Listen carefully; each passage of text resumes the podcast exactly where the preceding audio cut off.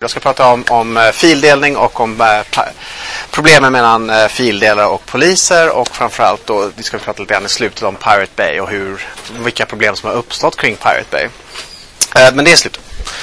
vi börjar då från början och vi börjar med, med då upphovsrätt som en begrepp och en idé och hur den kom till och varför den kom till och det skulle man kunna hålla ja, ett par veckors föreläsningar om men vi ska hålla oss till den korta varianten.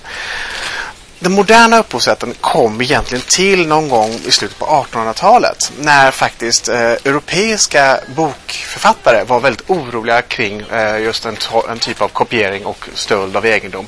Framförallt var det amerikana, amerikanska förläggarna som snodde europeiska idéer och tryckte upp böckerna i, i, i eh, USA.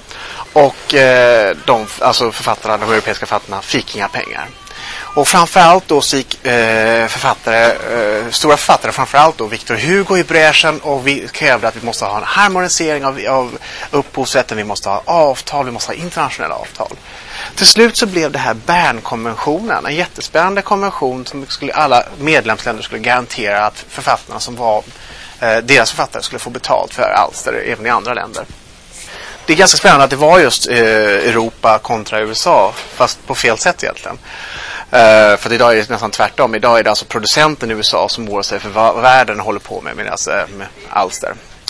Om man hårdrar det lite grann. Den skydden som uppstår när man har, och upphovsrätt är egentligen en magisk juridisk form. Den skydd som uppstår, den uppstår bara sådär. Vi behöver inte registrera oss, vi behöver inte gå in och, och, och anmäla oss, vi behöver inte ha en stämpelavgift. Det bara är så. Pang! Upphovsrätt. Eh, det som händer med upphovsrätt om man tar böcker eller film. Eh, film är komplicerat för det är många olika. Men om vi tar böcker som ett enkelt exempel. Det är att så fort någon människa skriver ner någonting som har verkshöjd. Alltså någonting som är bra, någonting som är bättre än en, en shoppinglista. Men det inte, behöver inte vara det. Och skriver upp det och visar det för någon annan så finns det upphovsrätt. Den människan äger den här produkten. Och den människan äger den produkten i 70 år efter de har dött. Så om, om jag läste en barnboksförfattare som var 50 när jag var barn. Nu är jag 40. Den människan är 90. Kanske dog för 10 år sedan. Jag får fortfarande inte göra någonting med den här produkten förrän om 70 år. Eller 60 år i det här fallet. Och det är ganska fantastiskt. Vilken enorm längd det var. Vi snabbspolar från 1870 till 1970 och Europa det fanns en viss oro inom Europa hur man skulle göra med upphovsrätt. Man började inse att upphovsrätt var där pengarna låg. Vi skulle tjäna väldigt mycket pengar på upphovsrätt överhuvudtaget. Man kom på att det var väldigt jobbigt att det fanns olika skyddslängder och skyddstider i hela Europa. För att få det här 70 år efter döden så, kom, så tittade man runt och så sa man så här, hur ska vi göra? Sverige hade 50 år efter döden, eh, vissa länder hade 30 år efter döden. Då körde man harmonisering. Harmoniseringen gick, på, gick, till på det här sättet. EU tittade runt om och sa vilka skyddslängder har de olika medlemsstaterna. Spanien hade 50 år. Tyskland hade 70 år. Nej, förlåt. Spanien hade 70 år och Tyskland hade 70 år. Och då harmoniserade man upp alla till deras nivå. Det var inte någon tal om förlikning här utan alla den nivån. Så det är så vi har hamnat med 70 år efter döden. Det är egentligen det som är upphovsrätten. Man kan titta jättemycket på det men det är där vi ska hålla oss på så vi har, har lite grann i bakgrunden. Sen får man titta på, på det som egentligen är grunden till fildelning. Det är alltså digitaliseringen. Det är två saker som är viktiga med digitalisering. Det första är att vi tar bort begreppen kopia och original. Alltså det vi har med böcker och vi tar en bok och så kopierar vi den på en fotostatmaskin så är jättekul. Vi har texten men det är inte kul att ha i bokhyllan. Så det, det, finns en, en skillnad, en markant skillnad mellan kopia och original. Nu när vi har digitala produkter så blir det helt plötsligt bara, det finns ingen skillnad. Det finns ingen skillnad mellan en kopia och en original. Det finns musiker som hävdar helt bestämt att MP3 klarar inte av den här rikedomen. Men för gemene lyssnare, och jag definitivt, definitivt hör till dem, vi ser ingen skillnad mellan kopia och original. Jag hör ingen skillnad mellan kopia och original. Det är nummer ett. Nummer två är naturligtvis själva fildelningen. Vi har fått ner kostnaderna, transportkostnaderna i kunskap och tid och energi och pengar och alltihopa nere nästan vid noll. Har vi en dator, har vi bredband hemma så är det ingen kostnad att skicka en fil till någon annan. Problemet är om, hur ska vi göra när vi ska skicka flera filer till massor med människor? Då är det problemet. Då, då finns det olika system. Det ursprungliga systemet måste sätta upp allting på en server och så fick alla gå hit och hämta det. Problemet med det här systemet är att alla människor stod i kö för att hämta samma fil. Det innebär då att det här blir väldigt långsamt. servern, datorn som, som hade filen började dela ut småbitar till alla människor. Så kom det en människa som fick en stor bit, kom det två människor som fick hälften var och så vidare och så vidare. Så det blev till slut väldigt, väldigt långsamt. Det är inte en riktigt sann bild, men ungefär så. Då kom han på egentligen olika program som skulle lösa detta. Det första programmet var att istället för att lägga upp den på en central server så skulle jag kunna lägga min fil på min egen dator och sen visa människor att den fanns där. Det vill säga, någon skulle veta att en fil fanns på min dator genom att kolla i en central register och sen ladda ner den direkt från min dator. Det förhindrade då att flera människor stod i kö. Men det var inte så himla praktiskt ändå. Det var olika problem med detta. Eh, för att göra det här totalt mycket, mycket enklare så tog man och skapade något som kallas idag för BitTorrent. Vad som händer där är att filen finns på min dator. Men så fort du börjar ladda ner en bit av min, av min, av min fil så kan du redan där börja dela ut den biten. Så att vi har helt plötsligt en station där om vi är fem stycken människor, fyra stycken människor och jag har hela filen så börjar du ladda ner eh, en bit och du börjar ladda ner en bit. Så fort ni har fått varsin bit så kan ni dela med er av varandra. Så jag blir alltså inte nödvändig i den ekvationen längre. Det här gör att belastningen för hela nätverket minskar radikalt och det går snabbare och det är bättre och framförallt så är flera människor involverade i processen. Det är alltså en effektivt utnyttjande av teknologi.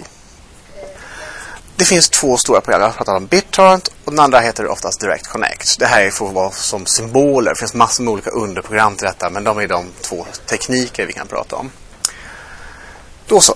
Nu kommer vi fram till i år och till juni. Då finns den största BitTorrent-platsen, alltså platsen där du hittar flest, mest information om alla sådana här olagliga filerna, finns faktiskt i Stockholm. Och den heter The Pirate Bay. Det är alltså en svensk produkt här. Uh, Pirate Bay var den största sajten som hade information om alla de här filerna. Så om du letar efter en, en film som du vill kolla på, som, alltså det är olagligt, men om du letar efter en film så gick du dit och så skrev du in filmens namn och skrev jag söka efter filmer. Och så hittade du då var den fanns och så började du ladda ner och så ingick du i den här kollektiven som höll på att ladda ner. Det kallas för en svärm. När man höll på att ladda ner det här från olika håll och kanter så kopplas egentligen BitTorrent, alltså fil, eller vad ska jag kalla det, registret med all, allt det här information. Den kopplas egentligen bort. Den var inte nödvändig längre. Men det är klart, när polisen, åklagare och framförallt eh, organisationerna i USA som insåg att det var viktigt att hålla koll på upphovsrätten. När de såg att det här skedde och de såg en väldigt stor organisation i Sverige som höll på med det här eller hjälpte till här. Så ville de att Sverige ska agera. Sverige är bunden, tvungen till att agera för att vi har gått med i olika konventioner. Och vi ska inte gå in i internationella rätten här för det hinner vi aldrig med. Och Sverige agerar. Polisen går dit och gör en razzia på Pirate Bay. Razzian går till så här att de går dit och så beslagtar de alla datorer för att senare analysera vad som finns i dem. Problemet med det här är naturligtvis att de tar alla datorer informationen som finns på en, på en server, på en dator på, som Pirate Bay fanns på, fanns bland många andra datorer. För det här var på en webbhotell. Det var alltså inte en, en, en, någons hus och där inne går in i köket och då tar du kylskåpet. Det här var alltså en helt lagerlokal fylld med kylskåp i det här fallet, men datorer. Trots då att Pirate Bay pekar på olika maskiner, så det här är våra maskiner, så tog naturligtvis polisen alla maskiner. För kan, de kan ju inte gå in till en knarklangare och säga så här, vi ska ta din knark och så pekar han, ja, de finns, allt finns i garderoben, ni behöver inte titta någon annanstans. Utan polisen gör sitt jobb och tar alltihopa. Problemet var naturligtvis att de andra företagen som var involverade eller bråkade hyra in sig på samma ställe, de drabbades också. Och bland de företagen så fanns till och med tidningar. Alltså, och då helt plötsligt kommer vi in på tryckfrihetsförordning och grundlagen och mycket stora problem som inte har riktigt uppenbarat sig än. Eller de har märkts men de, har inte, de kommer komma upp i rättegången sen. Vad är det som händer? Vad är, alltså, vi tittar, alltså det här är vad som har hänt i somras och sen nu håller vi på att utreda. Vi håller på att gå igenom datorerna, eller polisen håller på att gå igenom datorerna och titta vad som händer. Det som faktiskt kom, håller på att hända sedan dess är diskussionerna runt omkring det. Har Pirate Bay gjort fel? Har de inte gjort fel? Enligt Pirate Bay så säger de så här, vi gör ingenting fel för vi har inget upphovsrättsskyddat material hos oss. Det vill säga, de har inga filmer, de har inga, eh, någonting att ladda ner. De har bara information var du kan hitta det. Och då finns det långa diskussioner till exempel. Är det olagligt att säga till en människa att det finns knarklangare i Brunnsparken? Eller är det olagligt att säga att, eh, att ja, för att hitta prostituerade så går det åt det hållet? Eller är det olagligt att säga till en människa att för att, att inte betala moms så gör du så, så, så, så. Alltså information om hur man begår brott, är det ett brottslig handling? Är det ett medhjälpsbrott? Väldigt, väldigt svårt faktiskt. Det är inte så himla lätt som, man, som det verkar. Så där håller de på att brottas. Pirate Bay säger naturligtvis att de gör ingenting fel. Polisen och åklagaren håller på att nu försöka utreda sig till om de faktiskt gör fel eller inte. Det vet vi faktiskt inte hur det ska sluta för vi har inte kommit så långt än. Det var sommaren. Efter sommaren eller under sommaren så var det lugnt i Sverige som det brukar vara. Och sen dess har vi haft, eller sen, ja, i år har vi haft tre rättsfall som inte rör Pirate Bay. Alla de här tre rättsfallen har en viktig teknisk sak gemensamt. De har alla använt sig av Direct Connect, det vill säga det här systemet där jag öppnar upp en del av min dator och släpper in någon och plockar ner sin fil. Det här är viktigt, jag kommer till det om en stund. Den första rättegången eh, förlorade han förlorade i tingsrätten, fick dagsböter. Den andra rättegången förlorade tingsrätten, fick dagsböter. Tredje tings, äh, rättegången förlorade dagsböten, Äh, eh, förlorade tingsrätten och fick dagsböter. Den första överklagade till hovrätten under, det under den här tiden. Och, och, och hovrätten kom fram att det går inte att säga om människan faktiskt har fildelat. Vi kan säga att datorn har fildelat. Och vi kan ifrågasätta om bevisningen räcker, men vi kan faktiskt säga att datorn har fildelat. Men om jag ska dömas till en brott, för en brott så måste det vara jag och inte... Alltså vi kan säga att min bil har råkat ut och gjort en, varit med i en brottslig händelse. Men det innebär inte att jag har varit det. Så hovrätten sa då att det här funkar inte. De friade killen. Det viktiga är naturligtvis först och främst att han använder sig av Direct Connect så man kan peka på hans dator. Men han blånekar hela tiden. Tips om man använder Direct Connect blåneka. Eller jag vet inte. Men okej. Okay. Han blånekar hela tiden. Han sa att det var inte han. Och då måste då åklagaren bevisa att det var faktiskt han. Och det går inte att göra. Eller rätt sagt, det går att göra det. Men då måste man göra en husrannsakan. Men du får inte göra husrannsakan i Sverige på brott som bara ger dagsböter. Så polisen får inte beslagta datorer. Alltså moment 22, alltså ingenting.